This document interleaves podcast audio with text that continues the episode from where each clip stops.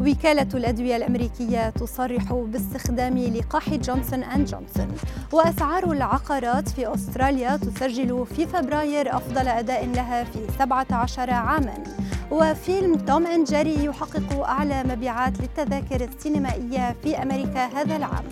إليكم أبرز أخبار الاقتصاد في الساعات الأربع والعشرين الماضية على العربية بودكاست. نبدأ بأخبار اللقاحات. إذ حصل اللقاح الذي طورته شركة جونسون أند جونسون ضد فيروس كورونا على الموافقة الرسمية من المنظمين الأمريكيين. وكشفت الشركة بأنها ستستلم 20 مليون جرعة في الولايات المتحدة بحلول نهاية مارس و100 مليون جرعة خلال النصف الأول من هذا العام.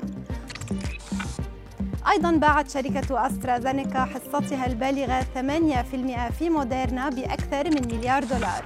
وتتوقع الشركة تحقيق أكثر من 18 مليار دولار من مبيعات لقاح فيروس كورونا خلال العام الحالي.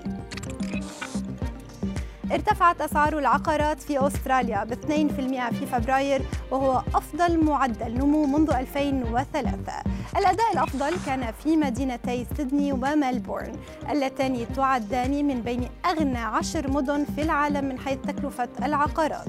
كما تشير توقعات إلى ارتفاع أسعار العقارات في أستراليا ب 20% خلال عامين.